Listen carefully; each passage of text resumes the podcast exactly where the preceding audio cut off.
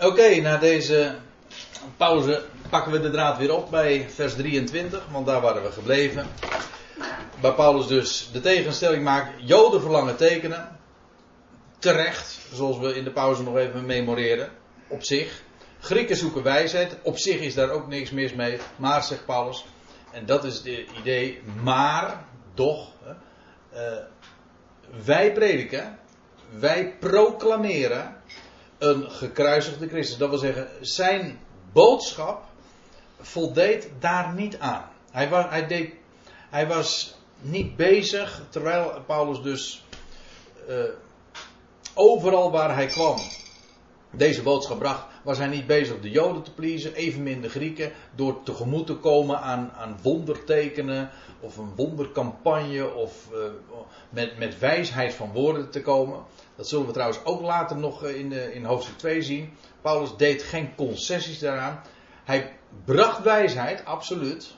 En wezen, de boodschap die hij bracht, dat was het teken van Jona de profeet, waar we het al even over hadden. En toch, hij bracht een eenvoudige boodschap. Zoals hij dat hier ook zegt. Wij prediken, wij proclameren een gekruisigde Christus. Waarbij eh, de nadruk ligt natuurlijk op het woord een gekruisigde. Dat wil zeggen, gekruisigd dat duidt op de, de smaad die de wereld voor hem over had. En aan de ene kant is de gedachte van de wereld heeft slechts een kruis voor hem over gehad. Maar ook uh, in die zin, het enige wat de wereld van hem weet en nog van hem weet, is dat hij zo aan zijn eind is gekomen. Een gekruisigde. Iemand die gekruisigd is. Dat is wat, wat hij. Voor de wereld is hij de gekruisigde, maar hij zegt: het is een gekruisigde Christus. Wij verkondigen uh, de Christus. En die term, die titel, en dat is uh, het laatste ook waar ik het even voor de pauze ook over had. Die titel, en dat is uh, erg belangrijk om dat in, de, in het Nieuwe Testament in het algemeen zo te zien. Die titel heeft direct te maken met het feit dat hij de opgestaan is. Je moet weten dat het woord Christus, dat is eigenlijk een, een Grieks woord, Christos. Maar als je het op zijn Hebreeuws zegt, zeg je Mashiach. Maar in beide gevallen betekent het gezalfde. Dus als je het begrip zou vertalen, dan zou je zeggen een gekruisigde gezalfde. Want dat is wat het woord Christus betekent. De gezalfde.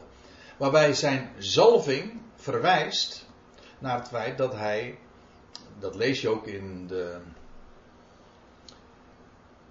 Ja, dat is ook de Korinthebrief, maar dan de, de tweede Korinthebrief. Gezalfd met Heilige Geest. In de handelingen lees je het ook. Gezalfd met Heilige Geest. Want uh, in het Oude Testament was het zo. Koningen, priesters, profeten bij gelegenheid werden ook gezalfd. Maar dan met olie. Wel, waar is olie een beeld van? Olijfolie is een beeld van geest, van leven.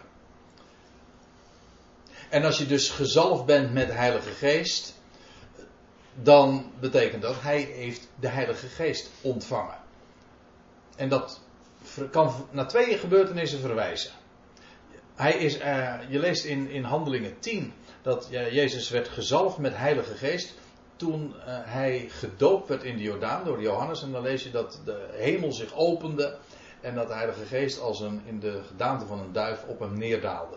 Dat was een salving. Maar feit, dus je kunt zeggen, toen werd hij de Christus. Dat klopt, maar in type. Want wat daar toen plaatsvond, het was een verwijzing naar de dag van zijn opstanding. Het is vrij eenvoudig. Hij werd gedoopt in de Jordaan. Hij ging onder in het watergraf. En stond daarop, eh, uit op. En dan lees je. En terstond daalde de Heilige Geest in de gedaante van een duif op hem neer. Maar dat is een verwijzing naar zijn opstanding uit de doden. Officieel werd hij de Christus toen hij de geest kreeg. Maar niet alleen maar in de vorm van een duif, maar letterlijk de geest kreeg. Met allemaal hoofdletters leven ontving. Waar olijfolie ook een beeld van is. Want olijfolie komt voort uit die boom die nooit sterft. Nou ja, uh, over olijfolie zullen we het nu verder niet hebben. Het gaat nu even uiteraard om, om dat begrip Christus. En hij werd de Christus toen hij de geest kreeg, het leven ontving.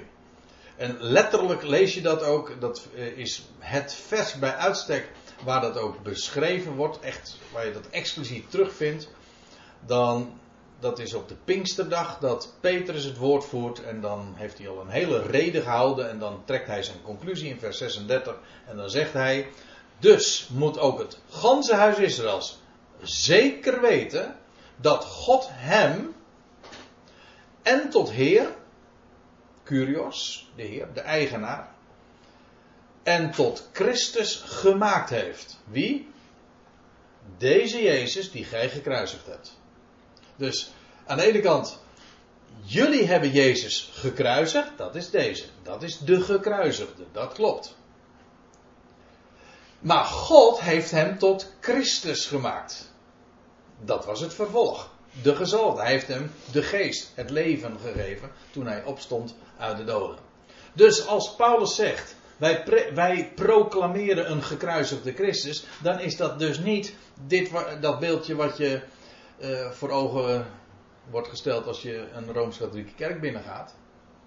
Een, een kruis met, met, waarbij, waar Jezus aan hangt. Dat is dit is niet de gekruisigde Christus, dit is de gekruisigde Jezus. De gekruisigde Christus, dat is hij die opstond uit de doden en die drie dagen daarvoor was gekruisigd. Dus de term als geheel duidt op hem die gekruisigd werd, stierf, begraven werd en opstond uit de doden. En als ik het zo zeg, dan verwijs ik naar wat Paulus later in de brief, 1 Korinthe 15, eh, ook nog eh, uitlegt. Zo zegt hij het dan ook. Hij zegt, ik maak u bekend broeders, 1 Korinthe 15 vers 1, het evangelie dat ik u geëvangeliseerd heb, eh, dat gij ook ontvangen hebt, waarin gij ook staat. En dan staat er, want voor alle dingen heb ik u overgegeven, hetgeen ik zelf ook ontvangen heb. Christus is gestorven voor onze zonde, naar de schriften. En hij is begraven en ten derde dagen opgewekt naar de schriften. Dat is de evangelie. In een notendop is dat de boodschap. Hij stierf aan een kruis.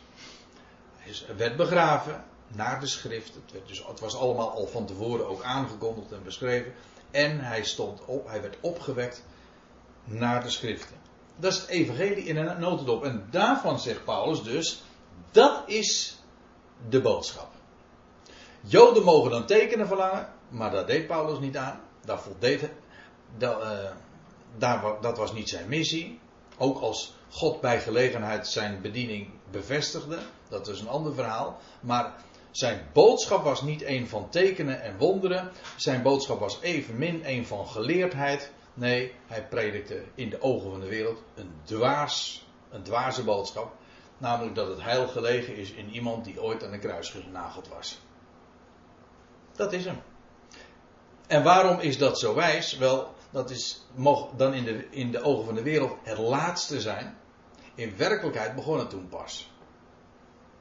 Want juist doordat hij gekruisigd is en gestorven is, kon hij opstaan uit de doden. En daarin is die wijsheid besloten. Maar voordat ik daar nog wat meer over zeg, wil ik nog even dit zeggen. Je leest dus, wij, wij proclameren een gekruisigde Christus. En dan zegt, zegt hij erbij, voor Joden een aanstoot. Voor Joden inderdaad een, een ja, in het Grieks staat scandalon waar ons woord schandaal trouwens vandaan komt. Scandalon, dat is eigenlijk een. een ja, het woord aanstoot is misschien wel uh, aardig in de richting, maar eigenlijk is het het woord uh, struikelblok. Of een, een, een snare, een. Ja, ja, iets waar je over struikelt. Want dat is eh, de gedachte, iets waar je over struikelt. Aanstoot zou je nog iets kunnen denken van, uh, zoals wij dat ook wel zeggen, van uh, ergens een aanstoot aannemen, er, je ergens aan irriteren. Maar dat is niet de, gedachte. Het is echt iets waar je over stuikelt. Later in de brief uh, gebruikt Paulus dat ook wel, ehm, dat, dat woord in een heel ander verband. Bijvoorbeeld dat het eten van afgodenvlees, dat voor sommigen een, een aanstoot is. Dat betekent niet dat ze zich daaraan irriteerden. Nee, het was voor hen een struikelblok. Dat wil zeggen, ze, ze bleven daardoor niet staan in het geloof. Het was voor hen dus echt een aanleiding om te vallen. voor Joden is deze boodschap, een gekruisigde Christus, een, een, een, een struikelblok. Men, men struikelt daar echt over. Waarom? Wel omdat Joden hun eigen messiasverwachting hebben. Waarbij ze denken aan iemand die inderdaad tekenen doet. Maar ook iemand die hen zou verlossen van, uh, van een vijandige juk en, en, het, en vrederijk zou brengen. Zij hadden een heel andere verwachting daarvan. En daarom, als Paulus iemand verkondigt die gekruisigd is, en dat is ook het laatste wat de wereld en ook het Joodse volk van hem gezien heeft, wel, dan is dat voor hen dus een struikelblok. Daar kunnen ze niets mee, niet mee overweg. A, omdat het niet voldeed aan hun, aan verwachting, aan hun traditie ook. En bovendien, dat moet ik er dan ook nog bij zeggen, uh, voor heidenen, dus aan de ene kant voor Joden is het een, een, een uh, struikelblok, trouwens in de godsdienstige wereld in het algemeen. Het, het kruis van Christus is het einde van elk, betekent ook het einde van elk menselijke inbreng. Ik loop nu een beetje vooruit op wat, wat, wat nog Paulus gaat beschrijven: van dat geen vlees zou roemen voor hem. Dat telt helemaal niet. Daar waar de mens aan het eind komt, daar begint God. En dat is voor de godsdienstige wereld in het algemeen een, een struikelblok, want men wil toch zelf wat uh, doen. Terwijl de boodschap van het kruis is: niets van de mens, alles van hem. Nou, voor, uh, voor Joden is het een struikelblok. En zegt hij voor de natieën, voor de heidenen, een, een dwaasheid. Een absurde boodschap. Tegenover al die menselijke geleerdheid waar de mens zich, uh, op, op uh, zich op beroemt, is de boodschap, de proclamatie van iemand die aan een kruis is gestorven, natuurlijk absurd. Dat daarin het heil, het heil, de redding en al Gods wijsheid in besloten ligt, is uh, krankzinnig. Maar Paulus deed geen concessie. Dat is precies de boodschap die hij hoorde te brengen. Dat is namelijk precies waar het allemaal om gaat. Blijkt ook, want staat er, maar voor hen die zijn geroepen. Voor Joden is het een struikelblok, voor heidenen een dwaasheid. Maar voor hen die geroepen zijn, Joden zowel als Grieken. Dus niet het, het grote geheel, nee, enkelingen, geroepenen. Want degene die God roept, wel, die behoudt hij ook. Maar nou uh, citeer ik weer een andere schriftplaats. In Romeinen 8 zegt hij dat. Degene die hij tevoren gekend heeft, die heeft hij tevoren, die bestemd hij tevoren, die hij bestemd heeft, die heeft hij ook geroepen en die hij geroepen heeft. Ja, ja, ik zit het nou even door elkaar te halen, want het is, het is een heel bekend woord, maar dan moet ik het even goed citeren.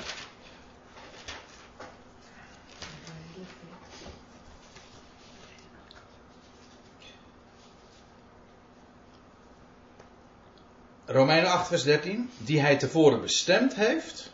Ja, deze heeft hij ook geroepen en die hij geroepen heeft. Eigenlijk staat het allemaal in de aorist, in een tijdloze werkwoordsvorm. Dus ik zal het even nu goed zeggen. Die hij tevoren bestemt, die, heeft hij, die roept hij ook. En die hij roept, die rechtvaardigt hij ook. En die hij rechtvaardigt, die verheerlijkt hij. Tijdloos. Het is een, een, gouden ketting, een goddelijke ketting waarin al die, al die schakels. Uh, onverbrekelijk aan elkaar verbonden zijn. Hij is degene die tevoren uh, bestemt. En die, die, die hij daarvoor bestemt, die roept hij ook. En die hij roept, die rechtvaardigt hij. Wat is daar voor menselijk inbreng bij? Niets. Dat zie je hier ook. Voor Joden mag het dan een struikelblok zijn. Voor, voor de natieën een dwaasheid. Zo wat. Voor hen die, die geroepen zijn, die God roept, Joden zowel als Grieken, want het is zonder onderscheid.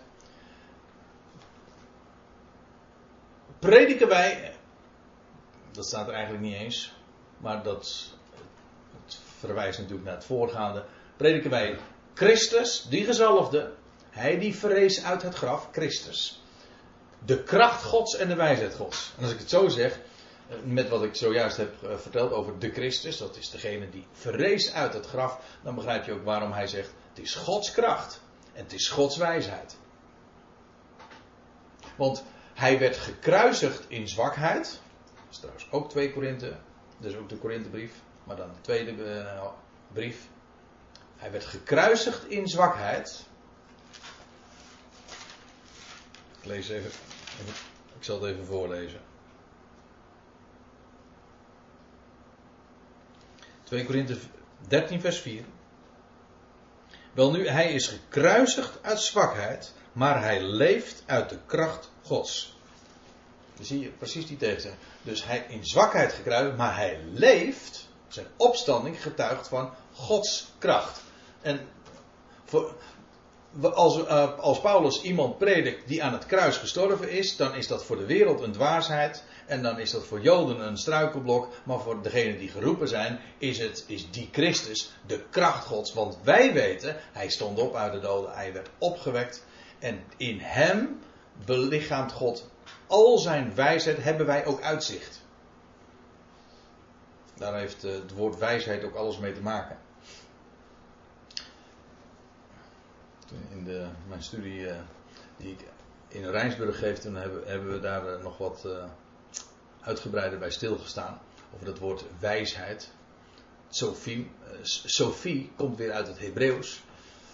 Sophie, en dat betekent een uitzichttoren, een, een uh, uitkijktoren. Dus het woord Sophie komt uh, uit uh, het Hebreeuws en dan heeft het te maken met uitzicht. Zal ik tegen mijn zus zeggen, die heet zo. Sophie. Ja? Ja, als je, als je weet wat het betekent. Het is wijsheid. Maar als eh, vooral is het eh, mooi als je gaat, gaat zien wat het, uh, wat het begrip in wezen inhoudt. Heeft te maken dus met, met perspectief. Niet alleen met inzicht, dat is verstand, maar ook met uitzicht. Nou, in Christus, in Hem die werd opgewekt uit de doden, komt wordt Gods kracht gedemonstreerd, die sterker is dan de dood, maar hebben we ook uitzicht. Gods wijsheid. Alle perspectieven die we in de Bijbel vinden, die worden, die worden vervuld in Hem die is opgewekt uit de doden. Hij is het centrum van al Gods handelen nog in de toekomst in verband met de nieuwe schepping, en met de gemeente, met Israël, de volkerenwereld. Allemaal in de opgewekte Christus. Dus voor ons, wij die geroepen zijn, ook, is dat een verdienste? Nee, natuurlijk niet. Wat kun je eraan doen? Ja, het is een enorm voorrecht, maar je bent geroepen. Je hoort zijn stem en hij is degene die jou, uh, die jou roept. En als hij jou roept, dan rechtvaardigt hij ook. Is dat uit, uit onszelf? Nee, zegt Paulus. Maar dat is dan in het einde van het hoofdstuk. Het is uit hem. Want, zegt Paulus in vers 25, het dwaze van God, de dwaasheid van de God, is wijzer dan dat van de mensen.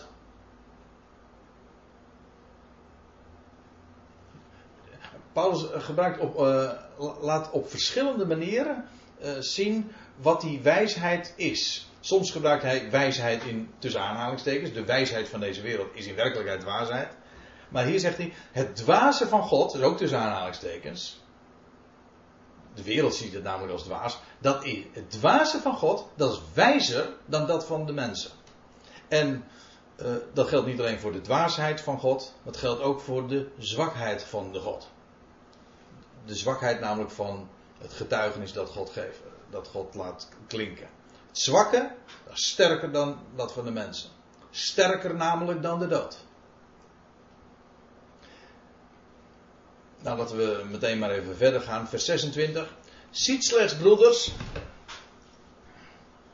wat gij waart toen gij geroepen werd. Er staat wat uh, oud-Nederlands, werd met DT. Maar uh, het is trouwens opmerkelijk. eh, Dat, het staat er eh, niet in de verleden tijd.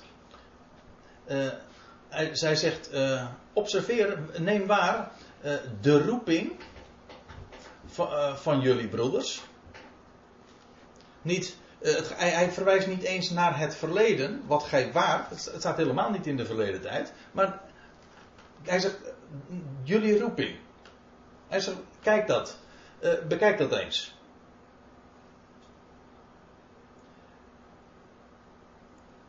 En dan niet, hij, hij noemt er verschillende dingen. Niet vele wijzen naar het vlees. Eh, niet vele, misschien waren er wel enkele. Het is dus niet een, een absoluut gegeven dat je, eh, dat je niet geleerd mag zijn. Feitelijk was Paulus zelf ook een hele geleerde man. Maar hij verwijst nu eventjes naar die Corinthiërs. En eh, hij zegt, nou wees nou eerlijk. Hij zegt, kijk nou zelf. Niet vele wijzen naar het vlees. Bovendien, niet vele invloedrijke. Letterlijk staat er niet vele krachtigen. Dus eh, die Ecclesia in, eh in Korinthe, die samenkwam daar in het huis van, wie was het ook alweer? Gaius. hè? Oh ja. Ja. ja, jij weet nu wat je, wat je nu weet. Ja. Jij, bent, jij bent de Gaius van vandaag. Ja. Ja, dat is waar. ja, in het huis van Gaius. Ja, sorry, Neeltje.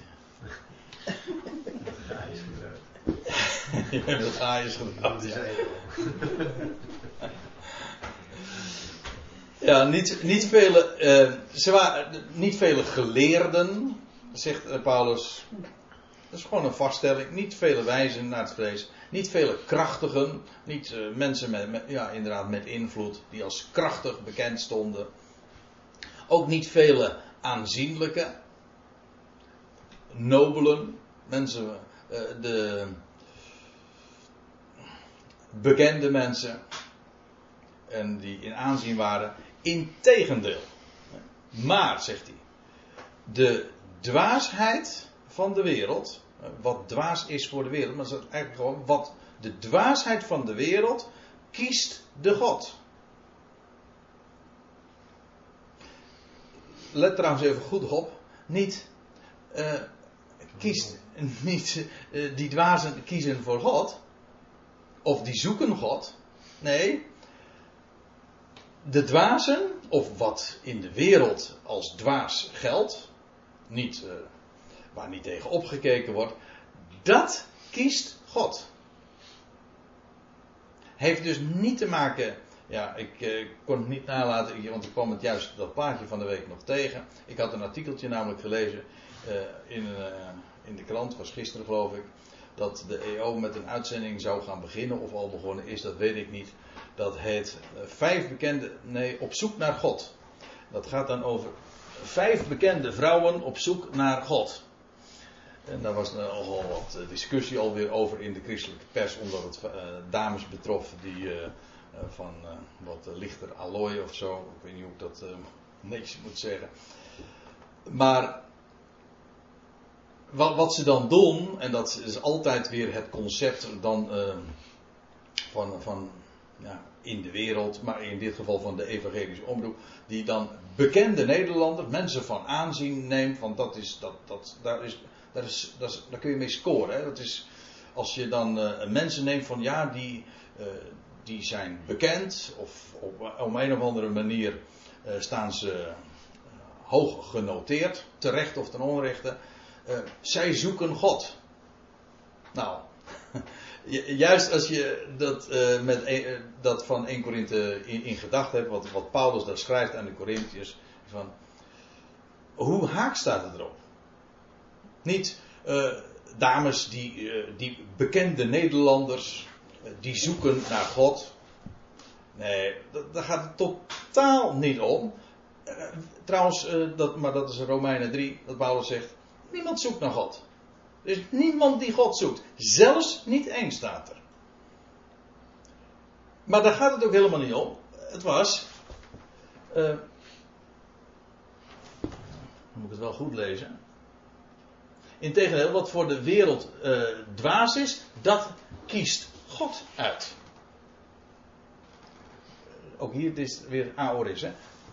Gods keuze, het gaat namelijk niet eens om de tijd dat hij dat zo gedaan heeft. Nee, God kiest, zijn voorkeur gaat uit naar het dwaze. En waarom, dat is, staat er pal achter.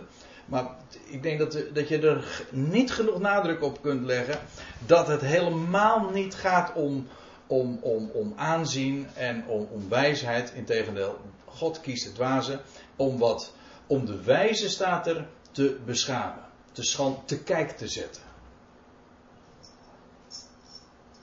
En het geldt ook niet alleen voor de wijze, wat voor de wereld zwak is. De zwakheid, het, het zwakke van de wereld, dat kiest de God. Waarom? Nou, om wat sterk is, of in ieder geval die reputatie is, te beschamen.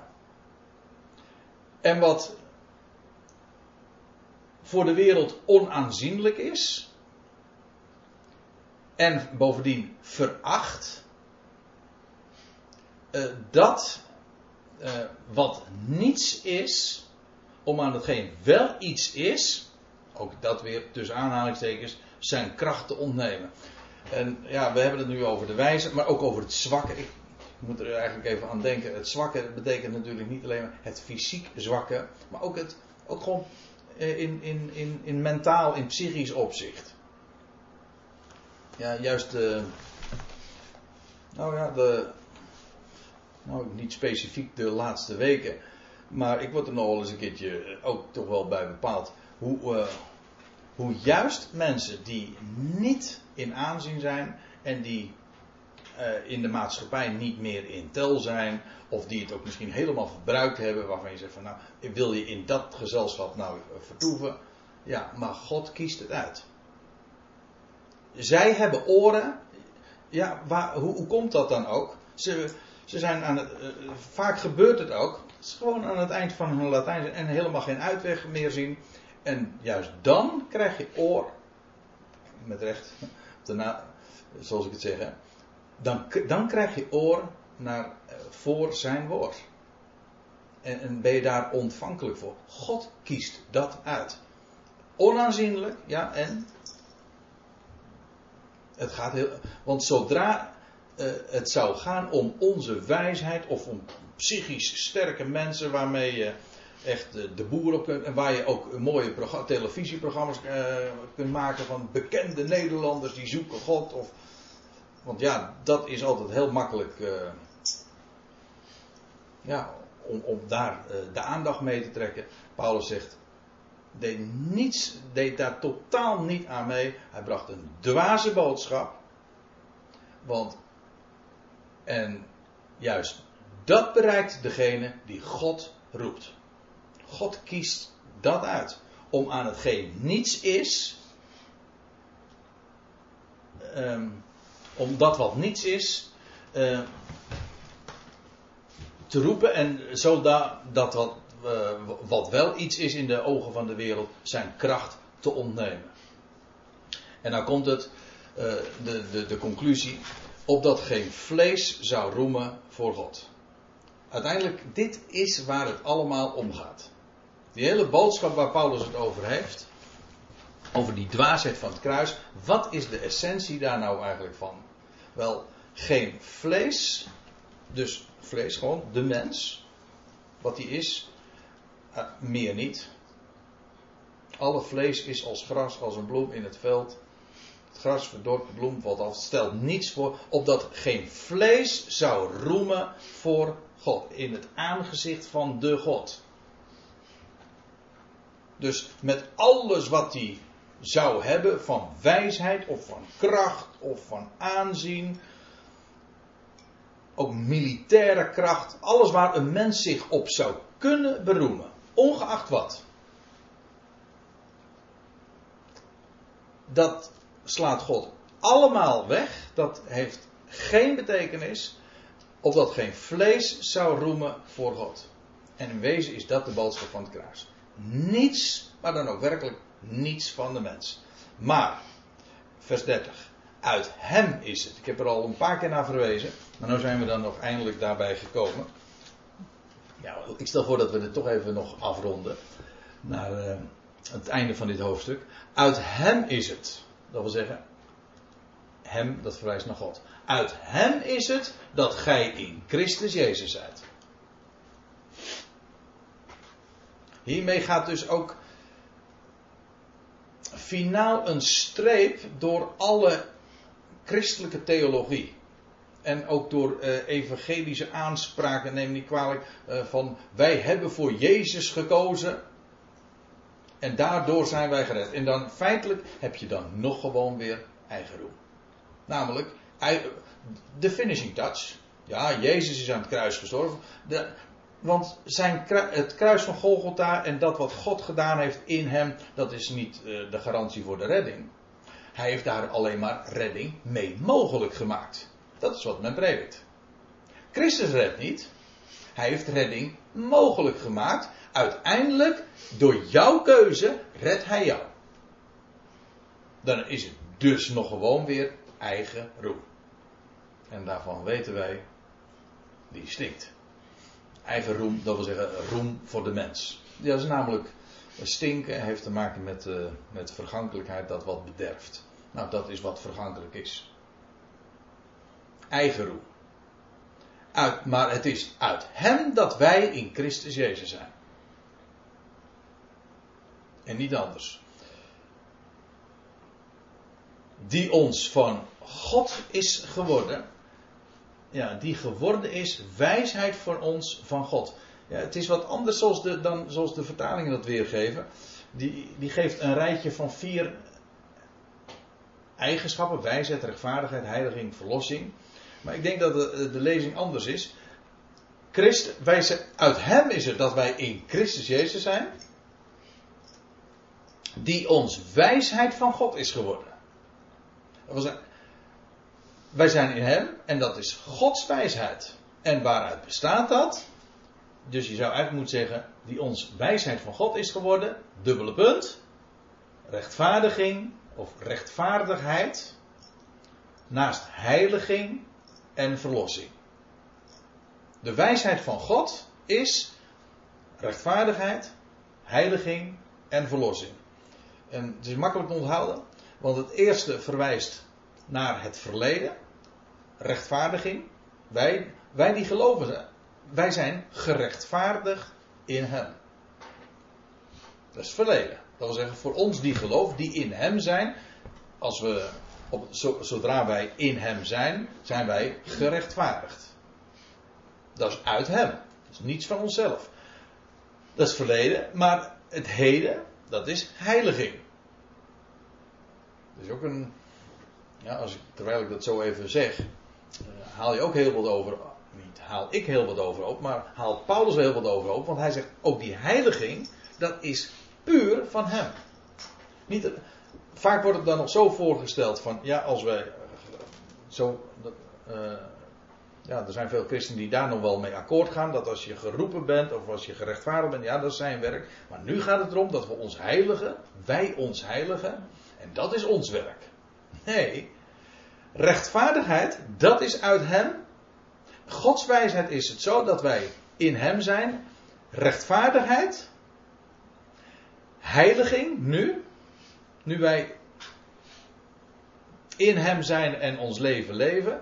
Dat is heilig. Hij is degene die ons heiligt. En vormt. En voor Hem apart stelt. En dan vervolgens verlossing. Dat is de toekomst. Waarbij de verlossing slaat op de vrijkoping van ons lichaam. Het woord verlossing, deliverance, dus eigenlijk uh, vrijkoping. Apolutrosis. Dat is ja, letterlijk vrijkoping.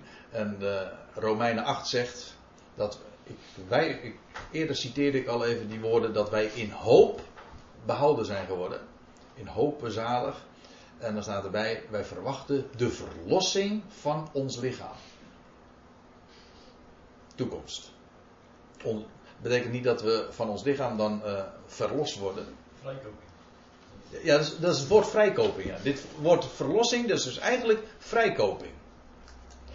In ons woord verlossing zit dat trouwens ook nog. Alleen. Ja, de taal is in de taal. In taalbegrip is dat ervan verwijderd. Lossen, hè? loskopen. De verlossing van ons lichaam betekent niet dat we van ons lichaam bevrijd zullen worden, maar betekent dat ons lichaam zelf verlost zal worden. Dat is, dat is uiteraard toekomst. Dat we een nieuw lichaam zullen krijgen. Zodat rechtvaardiging, rechtvaardigheid, heiliging, het heden, verlossing, alles. Dan moet ik het even goed, goed zeggen. We zijn, het is uit hem dat wij in, in Christus Jezus zijn. En hij is Gods wijsheid geworden. Maar dan is het ook werkelijk alles in hem. De rechtvaardigheid, de heiliging nu, de verlossing straks. Kijk, wat, laten we wel wezen. Het is heel, heel simpel. Als we het hebben over de verlossing van ons lichaam. Is er iets van onszelf bij?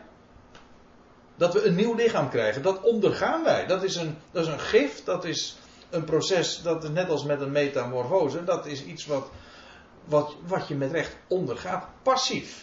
Dat is hier ook het zo. Die rechtvaardiging is passief. Dat ontvang je. Dat doet hij aan ons. Heiliging, idem dito met een sterretje. Want hij is degene die ons heiligt. Alle andere vormen van heiliging zijn. Schijnheiliging. Ja, is schijnheiliging. Ja, dat is een nep. Dan doet een mens dat zelf. En dat is met recht ook schijnheiliging. Maar als hij het doet, hij verandert ons namelijk van binnenuit. Dat is zijn werk. En dat geldt voor die verlossing straks ook. Allemaal uit hem. Dat is, heeft de grote nadruk. Alles is uit hem, maar dan ook werkelijk alles. Als zodra je er weer iets aan zou bijdragen, dan is het dus. Uh, dan krijg je het idee van een beetje gratis. Wat dus niet gratis is. Bestaat niet. Het is alles of niets. Dus is, ja, dit is, ik denk niet dat je dat genoeg kan benadrukken. Het is namelijk alles of niets. Zwart of wit. Die, grijs is, betekent gewoon dat je, dat, dan heb je geen evangelie meer. Alles is uit hem. En dan staat er, opdat het zij, gelijk geschreven staat, en dat is een woord uit Jeremia 9, vers 24, maar het staat in varianten op talloze andere plaatsen. Wie roemt, die laat degene die roemt, daar is, is niks mis mee, maar die roemen in de Heer. Of zoals het elders staat, uh, uh, dat geen vlees voor hem zou roemen. Efeze 2. Ik lees hem nog even voor.